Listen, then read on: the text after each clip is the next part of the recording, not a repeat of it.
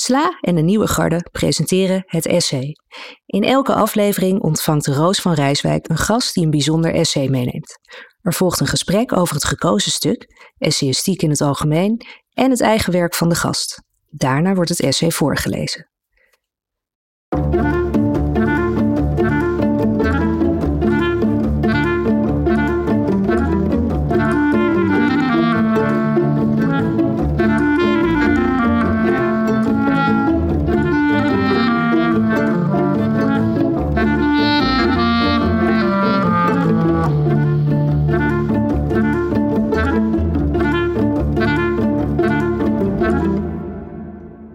In deze eerste aflevering van de podcast Het Essay praat ik met Jan Postma, essayist natuurlijk, redacteur bij De Groene Amsterdammer. In 2017 verscheen zijn eerste essaybundel, die heette heel toepasselijk Vroege Werken. En onlangs is verschenen Is Dit Alles, je tweede bundel essays. Uh, en waar we het vandaag naast over jouw essays natuurlijk uh, over gaan hebben, is het essay The Death of the Moth van Virginia Woolf. De dood van de mot, al kunnen we over die vertaling ook een hele podcast vullen waarschijnlijk. Uh, ik, ik lees uh, een heel kort stukje voor uit jouw bundel, Jan, ja. over dit essay. Jij noemt dat een niet-zeggende gebeurtenis waarvan Wolf op een niet-zeggende middag getuige is, valt in het essay volledig samen met al het andere. Wolf voltrekt in een paar honderd woorden een volmaakt huwelijk tussen het toevallige moment en het universele moment. En dat tweede moment is dan met een hoofdletter, het universele moment dit toevallige moment hè, dat Wolf beschrijft, kun jij, uh, kun jij uh, aan de luisteraar vertellen wat dat is? Wat gebeurt er in The Death of the Moth? Uh, ja, dat kan ik uitleggen. Um, het is namelijk heel eenvoudig. De titel zegt alles. Het, het gaat om de dood van een mot, waarvan Virginia Woolf op een, op een middag getuige is. Ze zit, ze zit te werken, ze zit een boek te lezen, geloof ik, en ze kijkt een beetje uit het raam. En ze ziet daar de velden en alle bedrijvigheid die daar uh, die daar aan de gang is. Alle vogels die vliegen en uh, de, uh, de ploegen die over het veld trekken. En op een gegeven moment wordt de blik getrokken door een, door een heel klein motje wat in het raam, zeg maar, tussen haar en de echte wereld in vrolijk aan het fladderen is. En dat, dat motje, dat, dat vergeet ze ook weer totdat hij opeens opnieuw daar aandacht trekt omdat hij het moeilijk lijkt te hebben. En dan begint er een soort van uh, heel precieze beschrijving van, van de doodstrijd van dit hele kleine beestje. En dat, uh, dat, dat doet Wolf in, in iets meer dan duizend woorden. Uh, ja, ze schrijft dus over iets heel kleins, maar ze kijkt heel precies. En op een of andere manier, terwijl je het leest, is het onmogelijk om jezelf aan de indruk te onttrekken dat ze het eigenlijk ook gewoon over het leven en sterven van alles en iedereen heeft. Het is gewoon een, een, een essay over het leven zelf. Een essay over het leven zelf. Het essay uh, kun je trouwens aan het eind van deze podcast uh, in zijn geheel uh, horen. Um, als het mij lukt om het te vertalen. Als natuurlijk. het Jan lukt om het essay te vertalen. Ik ga ervan uit dat dat helemaal, dat dat helemaal goed komt natuurlijk. Um, je zegt ze kijkt heel goed. Uh, in dit geval naar de doodstrijd van een mot. Uh, is, dat voor je, is dat een van de redenen dat je dit essay hebt uitgekozen? Want wij, wij hebben jou gevraagd om een, een korte essay. Dat is, dat is dus de eerste reden. laat, laat, daar wil ik even van af zijn. Maar dat, dat precieze kijken, is dat iets dat jou aanspreekt? Dat daarin? is zoiets wat me, wat me aanspreekt. Zeg maar het, het feit dat het over, over één uh, over één heel klein iets gaat, wat, wat op zo'n scherpzinnige manier wordt geobserveerd, en, en beschreven, is, uh, dat is iets wat me vaak aanspreekt in, in, in essays. Um, en wat er bij Wolf dan bovenop komt, is wat ik net ook eigenlijk zei, dat de de wijze waarop ze een soort van, van, dat, van dat niksige moment daar eigenlijk alles uit weet te trekken op een manier die zo indrukwekkend is. Dat je dat, en ook gewoon geloofwaardig. Uh, dat is, zeg maar, het is heel raar eigenlijk om te zeggen: ja, ik kijk naar iets totaal onbeduidends en ik doe net alsof dat een metafoor is voor alles. Uh, voor het hele leven op aarde.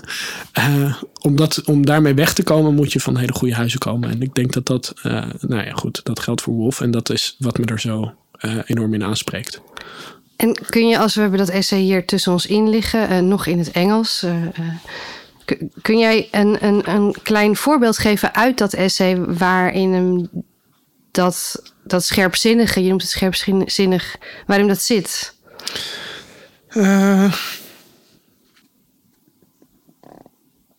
Er is een moment waarop ze, waarop ze eigenlijk die mot begint te beschrijven. En en ze, ze weet zich zo geloofwaardig in te beelden. Of eigenlijk, ze verplaatst zich een soort van in, in, het, in het leven van dat beest, wat eigenlijk nergens uit, uit bestaat. Het is gewoon een mot die een beetje heen en weer fladdert. En dan is het ook nog een mot die overdag vliegt. Dus het is niet eens zo'n zo'n fijne mot die in de schemering. Het is niet eens een echte mot. Nee, het is, dat is ook de eerste zin van het, uh, van het essay: dat het eigenlijk geen echte mot is, want hij vliegt overdag. En dan. dan krijgt ze op een gegeven moment medelijden met, met die mot dat, dat dat het leven in theorie zo, zoveel mogelijkheden biedt, maar voor dat motje eigenlijk ja, toch maar heel weinig uh, mogelijkheden met zich meebrengt. Want die mot die kan alleen maar een beetje heen en weer fladderen. En dan, dan is het na een paar dagen of uh, een paar weken is het ook weer afgelopen met het leven van de mot. Dus en de, de, ja, de, de empathie die ze weet op te brengen voor dat, voor dat diertje is, uh, is gewoon heel, het heeft ook iets heel grappigs. Het, iets heel, terwijl het een tragisch verhaal is natuurlijk. Maar het is ook gewoon grappig dat ze het uh, ja, maar ergens ook wel, je zegt empathie, maar het is ergens ook wel wreed, want ze bevrijdt hem niet. Op het moment dat ze denkt, ik moet iets doen, hè, ze heft dan haar potlood op om misschien dat beestje een zetje te geven of zo, maar dan ziet ze, ja, het is al te laat, daar gaat hij. En vervolgens gaat ze minutieus de doodstrijd van die mot beschrijven. Ja, daar zit wel een soort, nou ja, de vreedheid of nieuwsgierigheid, misschien ligt dat niet heel ver uit elkaar, maar mijn indruk is wel dat ze, dat ze denkt, die mot is niet meer te redden. Het enige wat ik nu kan doen is, is mijn aandacht schenken. En daarmee, daarmee zijn dood op een of andere manier betekenisvol maken. En daarmee de beroemdste mot van de wereld lieten Dat denk ik wel, ja. ja. ja. Ja, en want, want je hebt ook, dat noem jij ook in jouw bundel, het essay van Annie Dillard over een mot. Ja. Dat heb ik uh, uh, ook even gelezen, omdat jij het noemde natuurlijk. En omdat het ook, hè, het blijkt vrij veel over motten geëssayeerd te zijn. Er wordt heel veel over motten geschreven, ja, vooral in ja. de essayistiek. Dat... Ja, um, maar Dillard bijvoorbeeld, die laat die mot, die voert hem op als een soort lont. Die mot die vat vlam in een kaars. Ja, ze, ze herinnert, het is echt gruwelijk. Ze herinnert zich een mot die, uh, die, die jaren eerder toen ze aan het kamperen was, een soort van rond een kaarsvlam aan het fladderen was. En die gewoon door onoplettendheid, zoals je gewoon al ziet als je motten gewoon iedereen die een mot ziet snapt. Dit zijn niet beesten die heel duidelijk controle hebben over dat hun... maar tegen dat doet maar wat. Dat ja. doet maar wat. We en horen, dat vliegt we horen ze in. nu allemaal tegen Ja. die papieren IKEA-lampen aanschampen. Ja. En dat, eh, nou goed, als je dat bij een grote kaars doet, dan komt er een moment dat je misschien plotseling vast komt te zitten in de was. En dan, eh, eh, maar wat, wat Dillard dan ziet, is dat, dat die mot op een of andere manier, dat, dat zo'n kokonnetje wordt vastgezogen, zijn lichaam. En dat, dat daarin eh, zich een soort lont lijkt te vormen. En dat ze, dat ze de rest van de avond zitten lezen bij het licht van, van die brandende mot in, dat kaar, in Van die die kaars. in de mot, ja. En dan, eh, eh, ja, dat is, dat is weer een andere manier waarop je een mot kunt zien sterven. Ja, maar jij zegt net, nieuwsgierigheid en wreedheid passen misschien wel bij elkaar. Of zijn misschien wel hetzelfde. Ah, Als we hele grote dingen gaan zeggen, dat, dan... Nou ja, je zegt ze zelf, hè? Ik, ja, nee, nee, ja, ik zeg we, de, de royal we. Ehm, eh, ja, maar als je precies kijkt, dan, dan, dan, dan zit daar misschien wel vaker een soort vreedheid in. Als je het dan ook precies wil beschrijven wat mensen overkomt of wat dieren overkomt. Dat hoeft niet. Ja, Denk je dat jij wreed bent als essayist? Je bent wel een heel precieze kijker. Ja, misschien is dat dan toch niet zo'n heldere gedachtenlijn die ik net. eh, Nee, ik denk niet dat ik vreed, vreed ben. Het kan soms wel heel grappig zijn. Jij, jij, hebt een, eh, jij beschrijft in een van je essays. ehm, even kijken, een, een hypotheker bijvoorbeeld. Oké, misschien ben ik toch wel. Oh, Nee, maar dat is wel een uitzondering. Hè? Dat is een. eh, eh, Oké, ja, nee, dat, de, dat, dat, er is inderdaad een man die, die, die, die ons, ons helpt bij het, bij het, bij het verwerven van, van een hypotheek. En eh, dat was zo'n eh, kleurrijk figuur dat, dat ik mm, eigenlijk meteen nadat we daar weg waren, een soort van de neiging had om, om ook vast te leggen waarom die man nou zo'n zo'n zo'n bijzondere en bizarre indruk op me maakte. Want het was, het was op een, op een het Dat is gewoon een, een hele normale man in een heel normaal pak op een heel normaal kantoortje. Maar op een of andere manier was toch iedere interactie die we met hem hadden een, ergens een soort gewoon gek op een bepaalde manier. En ik, uh, ik had toen ook meteen de neiging om dan pro te proberen zo precies mogelijk te formuleren op welke manier die man dan zo ontzettend raar was in vergelijking met alle andere mensen die ik. Ja, jij schrijft een man aan wie zelfs de gewoonste woorden leken te ontsnappen. Het was alsof hij geen enkele controle uitoefende over de zinnen die hij zelf formuleerde. Zijn wenkbrauwen konden hun verbazing slechts met moeite verbergen wanneer zijn mond begon te spreken. Hoewel hij begreep dat hij uit hoofde van zijn functie vertrouwen in een goede afloop moest uitstralen, wekte hij tegelijkertijd nooit de indruk echt zeker te zijn van zijn zaak. Iedere, iedere reactie die hij ontwaarde in het gezicht van wie er toevallig tegenover hem zat, was als een kleine rebus die hij behoedzaam benaderde. Het was alsof hij in hetzelfde raadsel als iedereen leefde, maar zich daar als enige voortdurend van bewust was. Ja. Dat was, dat was hoe de man tegenover ons zat. maar ga jij zo door het leven? Uh, jij, jij komt iemand tegen. Je denkt, dat is een wonderlijk figuur. Hoe kan ik dit zo precies mogelijk beschrijven? Uh, nee. Ik, denk, ik, ik, weet niet of dat is omdat ik heel weinig wonderlijke figuren tegenkom. Misschien zou ik het dan vaker doen. Uh, ja, of, of, voelt, of, dit voelt... of, gebeurtenissen. Hè? Zet, jij, zet jij wat je meemaakt direct om je bent essayist in hart en nieren. Uh, ik heb het idee dat er bij jou altijd iets aanstaat, maar dat, komt, dat baseer ik puur op jouw essays. Ja. Dat er bij jou altijd iets aanstaat, waardoor wat je meemaakt, wat je ziet, wat je beleeft, wat je observeert, omgezet wordt naar een essay. Nee, het is wat er volgens mij bij mij kan gebeuren, maar lang niet altijd gebeurt, is dat, dat uh, dat als ik iets meemaak of iemand spreek of iets door iets wordt getroffen, dat dat zich meteen op een soort, met een soort weerhaakjes vastzet.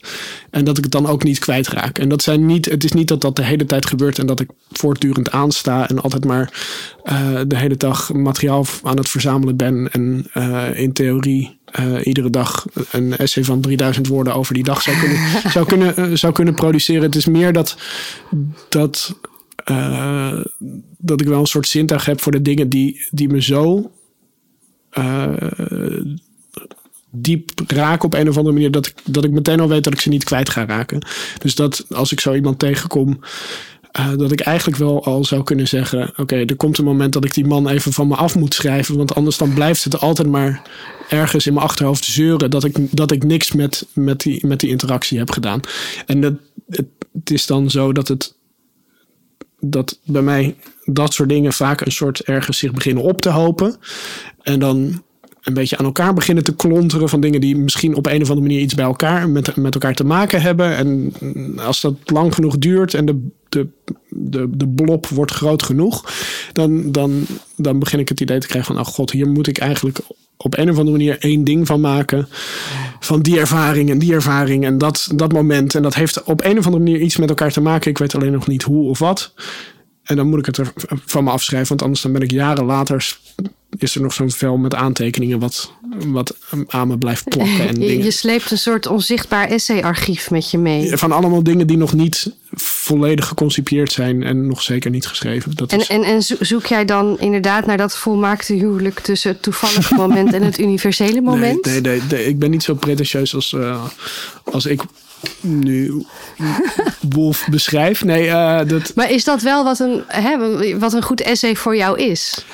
Uh, is natuurlijk een enorm brede vraag. Het is een heel brede vraag. Wat is nou een goed essay? Wat is, een essay? Nou, wat is überhaupt een essay? Ja, wat is überhaupt een essay? God, laten we daar eens beginnen. Laten we daar eens beginnen. in de eerste aflevering van het essay. Als dit de, als dit de eerste aflevering is, dan, dan laat mij dan degene zijn die, die zegt dat het woord uh, essay natuurlijk is afgeleid van het Franse essayer. Nee, oui. En dan, uh, uh, wat anders, dan moet, moet dat in alle afleveringen ter sprake gaan komen.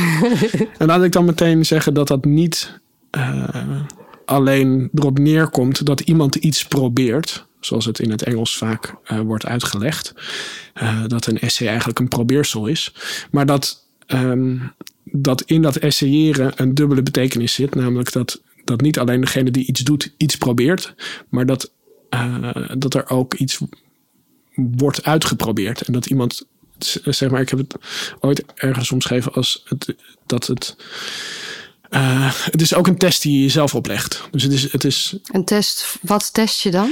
ja, of je. eh, ehm, zeg maar, ik, het is wegen en gewogen worden. Dus je doet zelf iets, maar het is ook erachter komen of je iets kunt doen.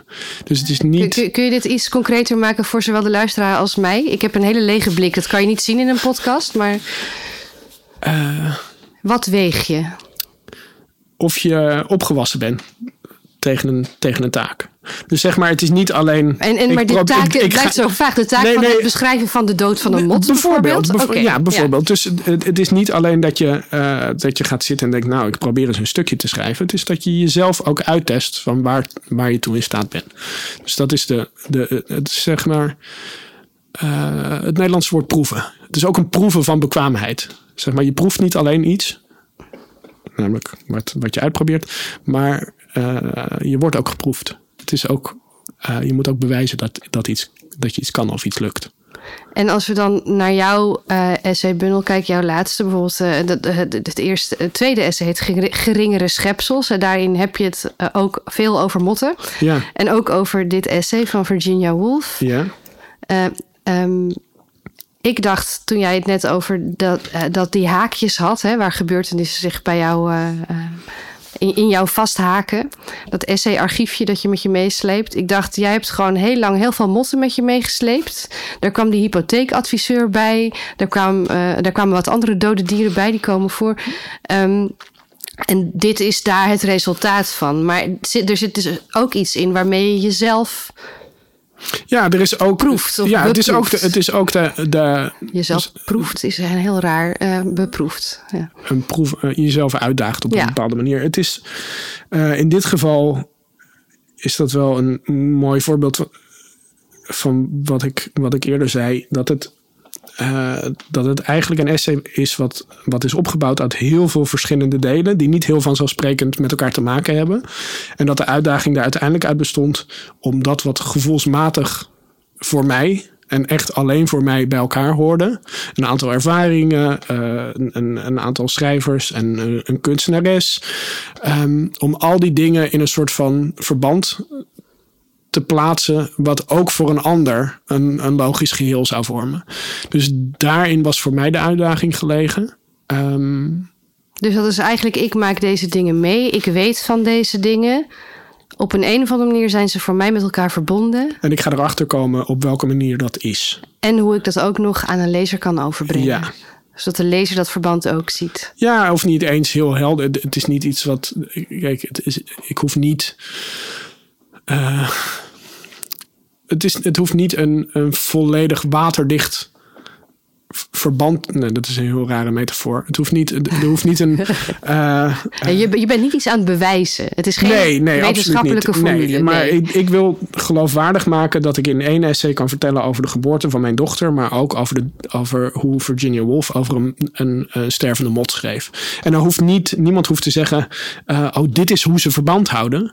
Maar ik wil wel dat mensen als ze het lezen denken, het houdt verband.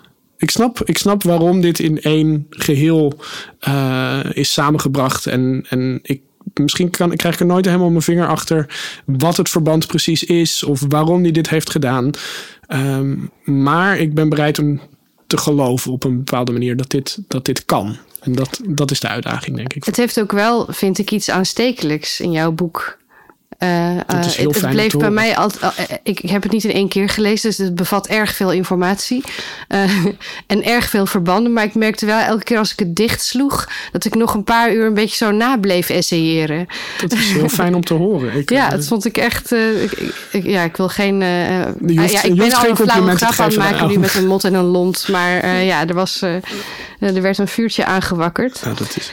Eh, in dat eerste essay, dat, eh, eh, je vertelt net al, het gaat onder meer over de geboorte van je dochter. Ja. Ehm, eh, en je eindigt volgens mij in de Antwerpse dierentuin in dit essay. Dus je, je maakt nogal wat bochten. Komt een fragmentje voor waarvan ik je wilde vragen of je het wilde voorlezen. Omdat ik daar een verband legde met Wolf.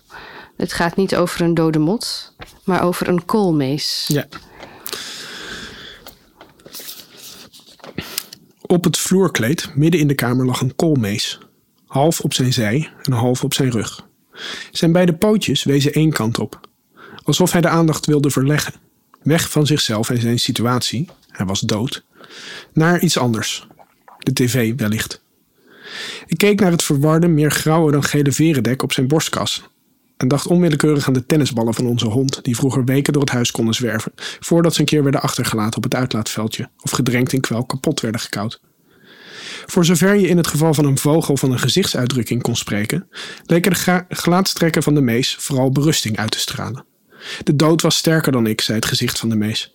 De strijd was hevig, maar de uiteindelijke overgave onvermijdelijk. De verlossing die ik erin vond, een dankbaar aanvaard lot. Je kijkt er een beetje moeilijk bij. Nee, nee ja. Uh, nee, nee, nee, dat was niet. Uh, of was dat meer dat, dat, dat, was gewoon, het was, verder had willen lezen? Nee, het was verhulde trots. Dat, uh, Ver, oh, oké. Nou, maar terechte trots ook. Toen jij dit schreef over die koolmees, had je toen Wolf Smot in je achterhoofd? Ja. Ja, nee, de, de, de, de, de, de, de rijm die daarin, de, de, de, de, de rijm die daarin zit, um, uh, die, die is wel heel bewust. Zeg maar dat. Um, ik was in deze periode ook de essays van Wolf best regelmatig aan het lezen. Dus het, het, zat gewoon ook in mijn hoofd, zeg maar. Dat, uh, uh, en er was dus een moment waarop ik motten tegenkwam en dode vogels en dingen. En dat, dat begon allemaal een beetje door elkaar te lopen. En dat was zo'n blob aan het worden. Dat ik dacht, oh ja, dat moet ik. Op een of andere manier moet ik dat, dat allemaal uit. Ja, ja want de rijm die erin zit is dat uh, in Wolf's essay de, de mot met de dood danst. En uiteindelijk ja. wordt overwonnen door die dood. En ook een soort, ja, een soort berusting er wel in lijkt te vinden. Of in ieder geval de, een bepaalde uh, die indruk lijkt te wekken op. op. Oh, ik, ik las het meer als het feit dat Wolf er berust mee had. Dat klopt ook. Maar is Wolf dan de koolmees? Nee. Um... Is Wolf de koolmees? is, is Wolf de hypotheekadviseur? Dat zou. Nee, nee, nee, nee, nee. De hypotheekadviseur was zo'n wonderlijk figuur. dat was echt het raarste. Zo'n. Nou goed, wat je net voorlas. De, de wijze waarop zijn. Dat wat hij zelf zei niet correspondeerde met hoe zijn gezicht bewoog, was gewoon. ja, hij is unieke... goed blijven hakken, ik hoor het. Uh, je zegt, ik was in die tijd veel uh, uh, aan het lezen, ook van Wolf. En er is ook volgens mij in hetzelfde essay een fragment waarin. Um, volgens mij ligt jouw vriendin dan te bevallen, zo'n beetje. En jij bent essays aan het lezen. Nee, dat, nou, dat is wat. ik denk wel dat ik. Ik denk eigenlijk wel dat ik het bij me had in het ziekenhuis. Want ik was er toen gewoon aan het lezen. En ik had dat, we, moesten, we moesten een week lang regelmatig naar het ziekenhuis. Ja. Uh, en uiteindelijk ook. Uh, ja, ik bedoel, ook dagen in de heat of the moment. Nee, nee, okay, nee, bent, sorry. Nee, okay. nee, die indruk probeer ik niet Nee, meer. want dit was inderdaad, maar dit gebeurde ook.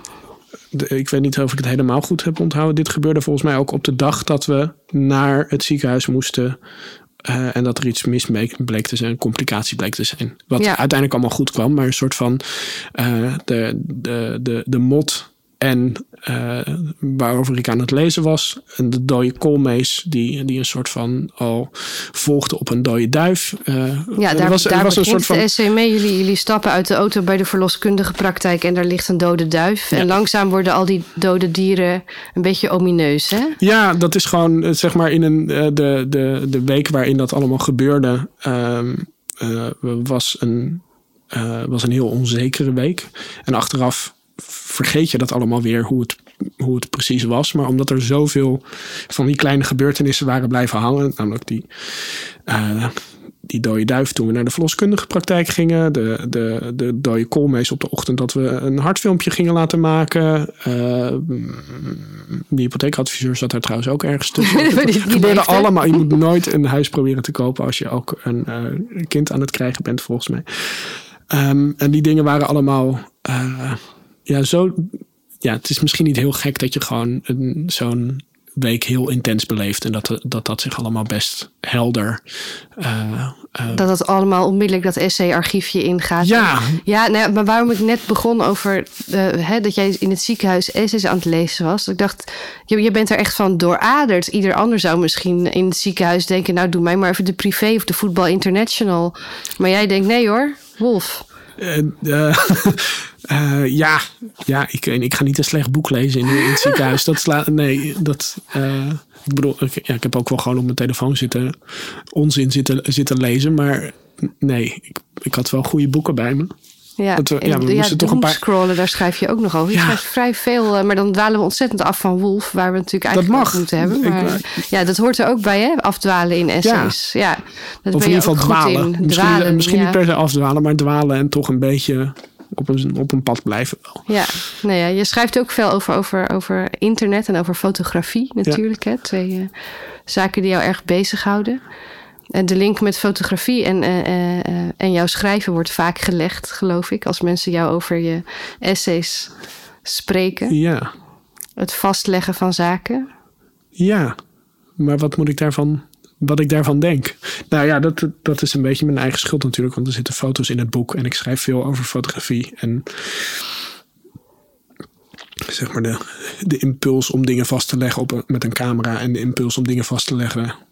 Nou, als we het hebben over, over in het, het eerste essay, hè, geringe Ja. schepsels, waar we het steeds over hebben nu. Ehm, Dat is het tweede essay. Het, eh, tweede essay, pardon, ja.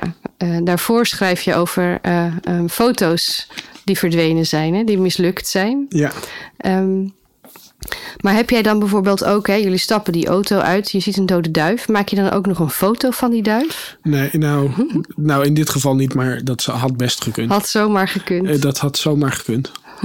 Eh, eh, nee, want ik zag de duif niet. Mijn vriendin stapte uit de auto en die zag de duif. En, en in jouw essays heb je het meestal eh, eh, over, over, niet, niet over jezelf als in dat het alleen maar over Jan gaat, maar je, je gebruikt ik. Ja, Wolf gebruikt one, man. ja. Dat vind ik er een beetje... Dat, dat, dat, dat kon toen en dat kan nu absoluut niet. Dus Kan helemaal niet nee, meer, hè? Tijden, Nee. tijden veranderen. Nou, je kan wel... Ja, ik denk dat in deze tijd het dan wat gangbaarder is om af en toe in de tweede persoon te vervallen. Eh, Ja, dat doe je wel. En dat, want dat, Ja. die neiging heb ik ook wel. Als ik het een soort van net iets minder eh, vanuit een ik wil schrijven, dan ga ik niet, ga ik niet men zegt dit of men. eh, dat, dat is toch een beetje eh, niet oudbollig, maar wel ouderwets taalgebruik. Ehm, Ik, ik heb wel eens gehoord dat er een onderzoek is geweest naar het gebruik van je. Dat is dat dat bij voetballers bijvoorbeeld, die gaan over op Ja. je als ze een fout hebben gemaakt. Hè? Dus dan, ja, ik ging echt heel erg lekker en toen had ik gescoord. eh, maar ja, je kan niet alles, hè? nee, nee, nee. en dat- dan glij je uit. Ja, nee, dat is wel. Dat, het is een eh, manier om, om, om een heel klein beetje afstand te creëren tussen jou en, en de werkelijkheid die, die je beschrijft.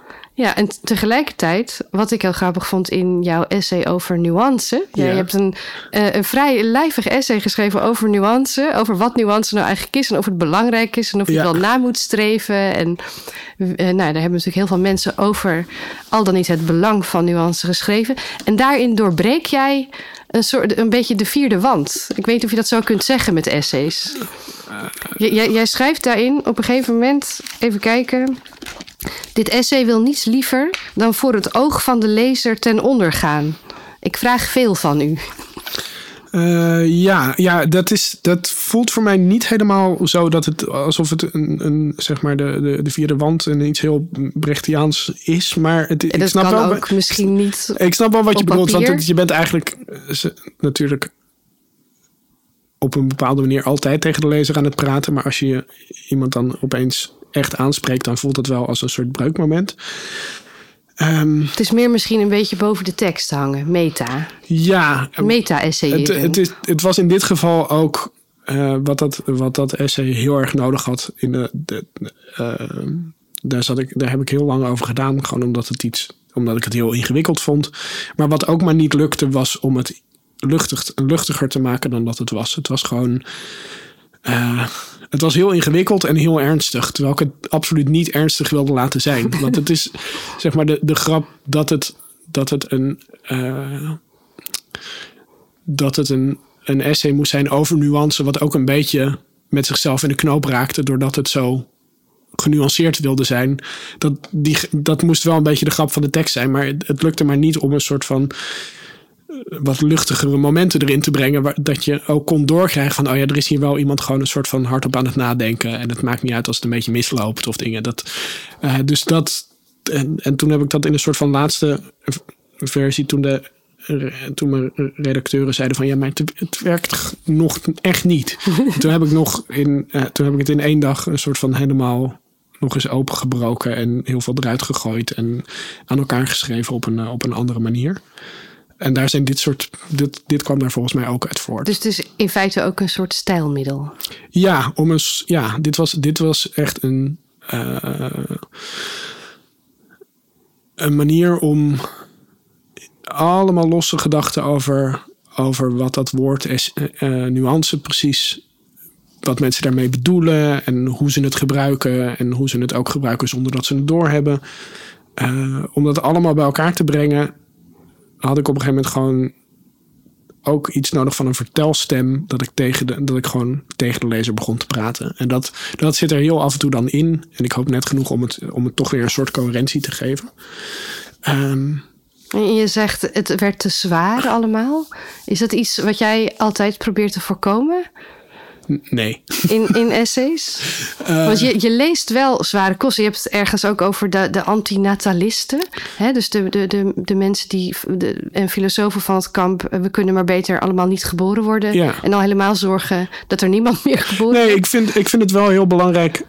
En ik, ik, dat zal bij mij ook lang niet altijd lukken. Maar ik hoop wel dat de lezer af en toe door heeft dat iemand plezier heeft gehad in het schrijven ergens van. Dat vind ik toch wel. Uh, dat vind ik wel belangrijk. Dat je niet live met iemands uh, lijdensweg mee. Nee, het is zeg maar, het is een hele rare balans. Maar ik denk dat je ook zeg maar over, op, op een luchtige of lichtvoetige toon in ieder geval over heel serieuze dingen moet kunnen, kunnen schrijven. Of dat in ieder geval moet proberen. En dat als het alleen maar uh, bloedeloze ernst is, dan daar doe je gewoon niemand een plezier mee. Zeg maar, dat soort boeken wil ik ook niet lezen. En, dus ik, en, dat en ga ik ook niet van iemand anders jou een vragen. uitdaging? Want wat ik, wat ik knap vind aan jouw essays is dat uh, je hebt een enorm, je beschikt over een enorm uh, vermogen tot zelfrelativering. Oké. Uh, en dat vind ik persoonlijk een erg prettige eigenschap. Ik vind het altijd als iemand zichzelf, ik bedoel, je moet jezelf serieus nemen, Ja. maar je kan jezelf ook zo serieus nemen dat je als lezer afhaakt en denkt: Ja. oké, ga jij lekker plezier hebben met jezelf? Ja. Ik, ga, ik pak een ander boek. Uh, maar wat ik mij tijdens het lezen uh, als schrijver afvroeg, is van hoe verval je niet in totale zelfrelativering? Want volgens mij ligt dat bij jou ook wel een beetje op de loer. Hè? Dat je denkt van ja, maar zo belangrijk is het allemaal niet. Of, Uh, ja, ik denk dat de angst dat, dat, dat als dat zou gebeuren, dat je gewoon helemaal niks meer op papier krijgt. Ik moet wel mezelf af en toe dwingen om, om gewoon iets op te schrijven. Zeggen en dan. uh, niet, niet voor, voordat het pen het papier raakt, al alles helemaal ja, kapot de, nee, gewoon hebben. het, het schrijf maar op en, uh, en, en probeer het ook zo op te schrijven dat je er vervolgens voor durft te, durft te blijven staan. En dat het, ja, ik, weet, ik vind het wel. Zeg maar, je, ja, je vraagt wel iets van, een, van de lezer. Dat is namelijk aandacht en, uh, en, en tijd. En die, die, die, hij of zij heeft honderdduizend andere dingen te doen. En uh, je schrijft niet voor iedereen, maar voor de geïnteresseerde lezer moet je wel echt je best doen, vind ik. En dan, dus dan moet je ook, ben je ook ergens aan je stand verplicht om. Uh, om het over interessante dingen te hebben, om originele gedachten te, te proberen te formuleren.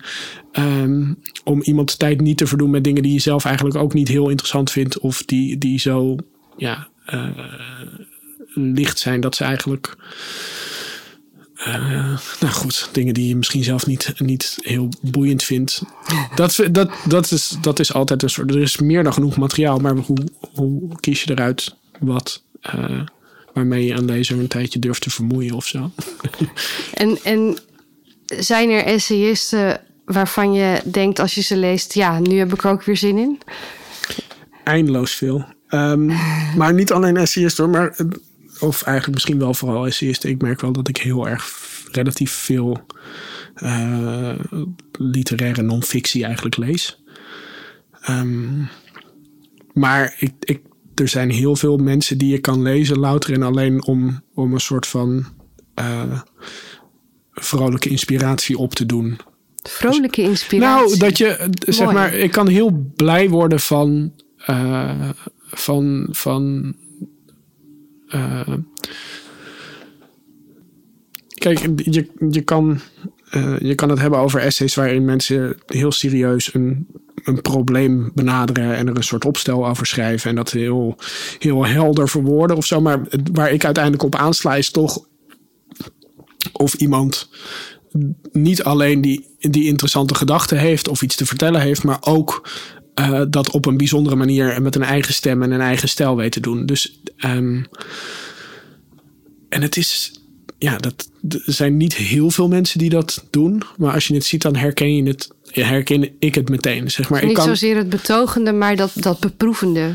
Ja, maar ook, nou, wat ik ook zei, gewoon dat er, dat er lol in zit van het, uh, dat er een soort plezier in het denken zelf zit. En in de manier waarop je dat uh, aan de lezer overbrengt. Ik heb bijvoorbeeld, ik kan van uh, bijvoorbeeld iemand als Jenny Diskey, die een paar jaar geleden is overleden, die schreef, die schreef voor de London Review of Books uh, boekrecensies. En dat is gewoon, die, die heeft volgens mij nog nooit een saai stuk geschreven. Het is gewoon altijd grappig, super interessant, verrassend geschreven.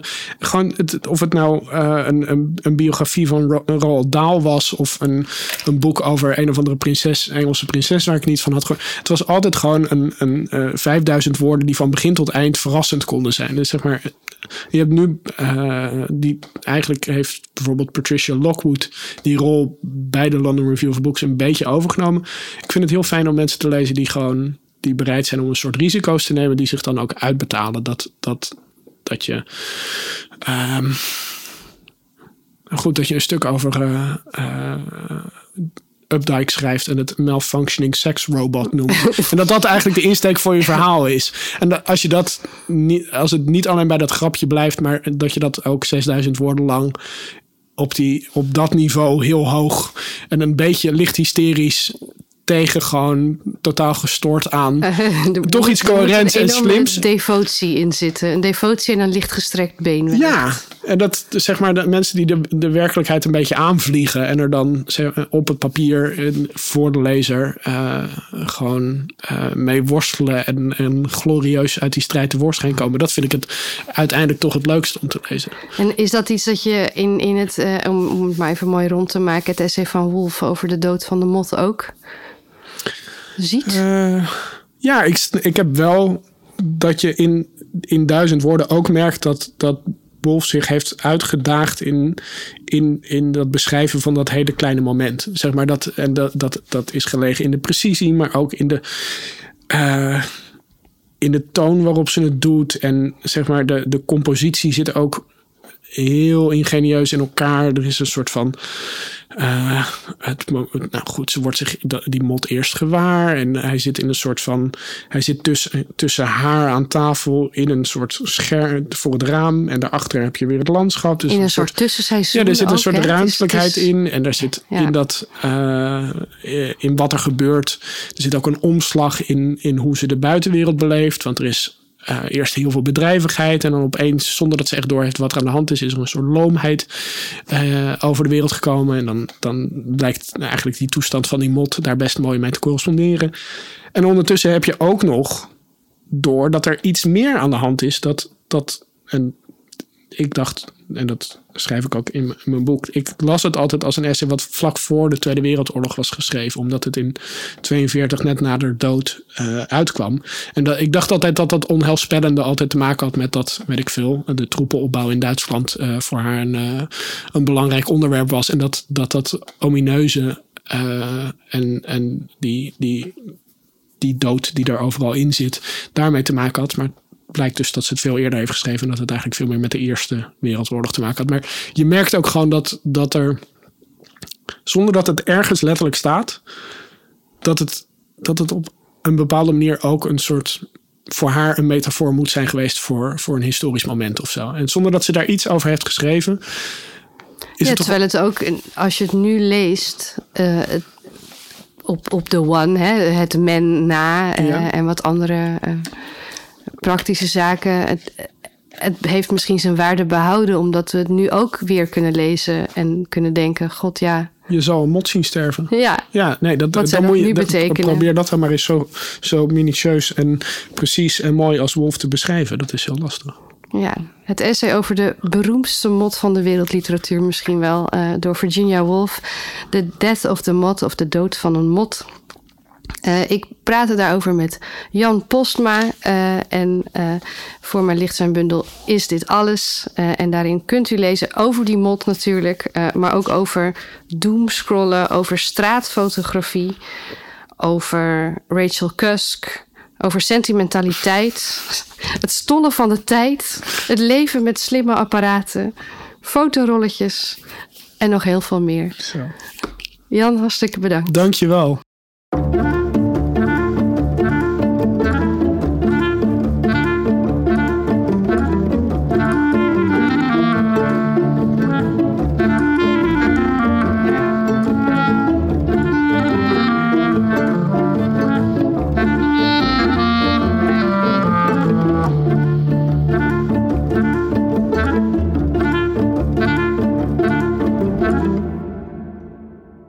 Virginia Woolf, De dood van de mot. Motten die overdag vliegen, moeten eigenlijk geen motten worden genoemd. Ze roepen niet dat aangename gevoel op van donkere herfstnachten en klimopbloesem dat zelfs de gewoonste huismoeder, slapend in de schaduw van het gordijn, onvermijdelijk in ons wakker maakt. Het zijn hybride wezens, niet vrolijk als vlinders en niet somber als hun eigen soort, toch leek dit exemplaar met zijn smalle, hooikleurige vleugels, omzoomd met een kwastje van dezelfde kleur, tevreden met het leven. Het was een aangename ochtend, halverwege september, mild, goedaardig, maar met een scherpere adem dan de zomermaanden. De ploeg sneed al door het veld tegenover het raam, en waar de schaar was geweest, was de aarde plat gedrukt en glinsterde ze van het vocht. Zulk een bedrijvigheid kwam aangerold over de velden en uit de verte daarachter, dat het moeilijk was om de ogen strak op het boek gericht te houden. Ook de roeken hielden een van hun jaarlijkse festiviteiten, zwevend rond de boomtoppen, totdat het scheen alsof een groot net met duizenden zwarte knopen in de lucht was geworpen, om een moment later weer rustig neer te dalen op de bomen, totdat aan het einde van ieder takje een knoop leek te zitten. En dan, opeens, werd het net weer in de lucht geworpen, in een wijdere cirkel dit keer en met het grootste rumoer en gekrijs, alsof zo in de lucht te worden geslingerd om langzaam weer neer te dalen op de boomtoppen een enorm opwindende ervaring was. Dezelfde energie die de roeken, de ploegers, de paarden en zelfs, zo leek het, de magere, blote heuvelruggen bezielde, deed de mot heen en weer fladderen over het vierkant van de ruit. Men kon er onmogelijk niet naar kijken. Men werd zich, echt waar, zelfs bewust van een gek gevoel van meelij. De mogelijkheden voor plezier schenen die ochtend zo overweldigend en zo veelvormig toe dat slechts te beschikken over het leven van een mot en dat van een dagmot bovendien een zwaar lot leek en zijn plezier binnen die magere speelruimte pathetisch. Hij vloog opgewonden naar een hoek van de ruit en toen, na een paar seconden te hebben gewacht, naar een andere wat restte hem nog behalve naar een derde hoek te vliegen en daarna naar een vierde? Dat was alles wat hij kon doen, in weerwil van de omvang van het heuvellandschap, de wijdte van het hemelgewelf, de rook van de huizen in de verte en, zo nu en dan, de romantische roep van een stoomboot op zee. Wat hij kon doen, deed hij. Hem bekijkende scheen het toe alsof een vezel, heel dun maar zuiver, van de enorme energie van de wereld in zijn tengere en kwetsbare lichaam was gedrongen. Telkens als hij het raam overstak, stelde ik me voor dat een draad van essentieel licht zichtbaar werd. Hij was weinig of niets behalve leven. En toch, omdat hij zo klein was, en zo'n simpele vorm van de energie die door het open raam kwam binnenrollen en zich een weg baande door de zoveel nauwe en ingewikkelde gangen in mijn brein en dat van andere mensen, had hij zowel iets wonderbaarlijks als iets pathetisch. Het was alsof iemand een kraaltje van puur leven met een laag dons en veren had bedekt en het liet dansen en zigzaggen om ons de ware aard van het leven te laten zien. Zo getoond kon men de vreemdheid ervan niet ontkennen. We zijn geneigd alles over het leven te vergeten wanneer we het aanschouwen terwijl het wordt bekneld en bedwongen, opgesmukt en gehinderd, waardoor het moet zien te bewegen met de grootste omzichtigheid en waardigheid.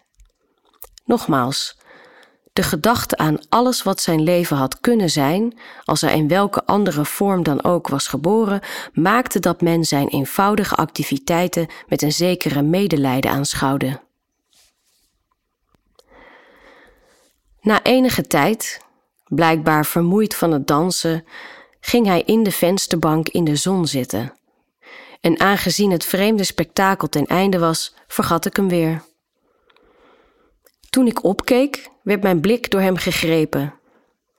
Hij probeerde zijn dans te hervatten, maar hij leek zo stijf of zo onhandig dat hij alleen nog naar de onderkant van de ruit kon fladderen, en toen hij probeerde over te steken, mislukte dat.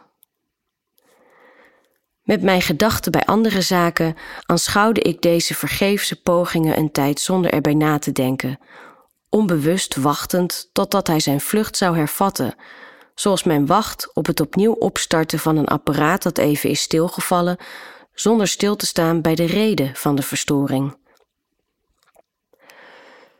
Na wat misschien zijn zevende poging was, gleed hij van de houten rand en viel hij, terwijl zijn vleugeltjes klapwiekten, op zijn rug op de vensterbank. Zijn hulpeloosheid deed me opschrikken.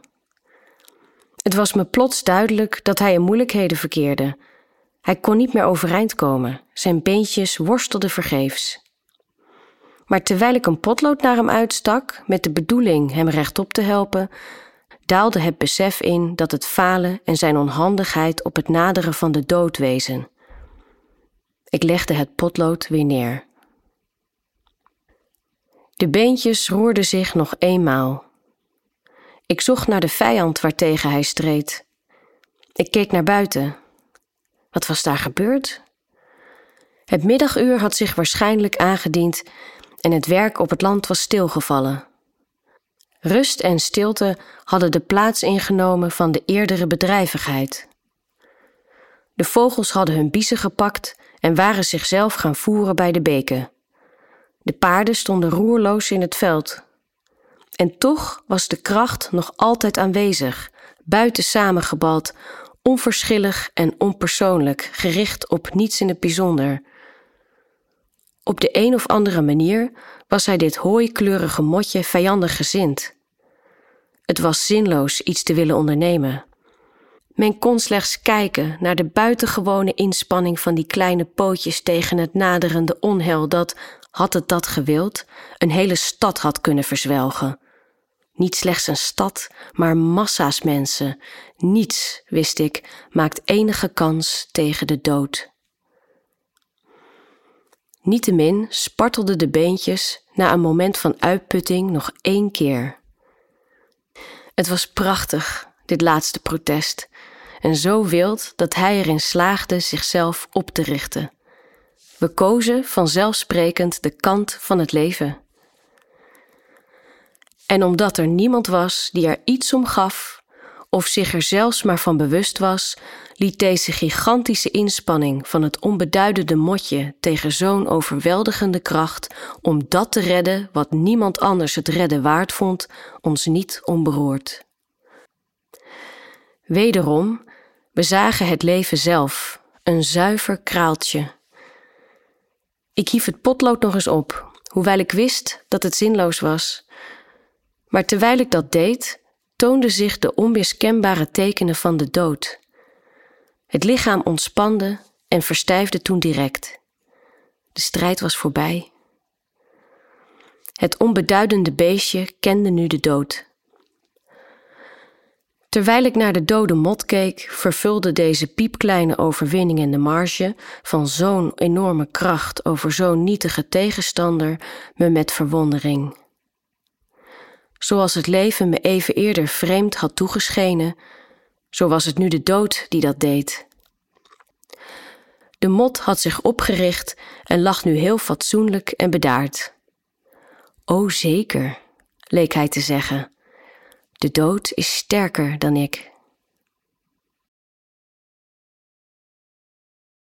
Het essay is een podcast van Sla en de Nieuwe Garde. Stemacteur Barbara Knapper, techniek door Jasper Schonewille, montage door Rut Kief, beeld door Kai Brugmans.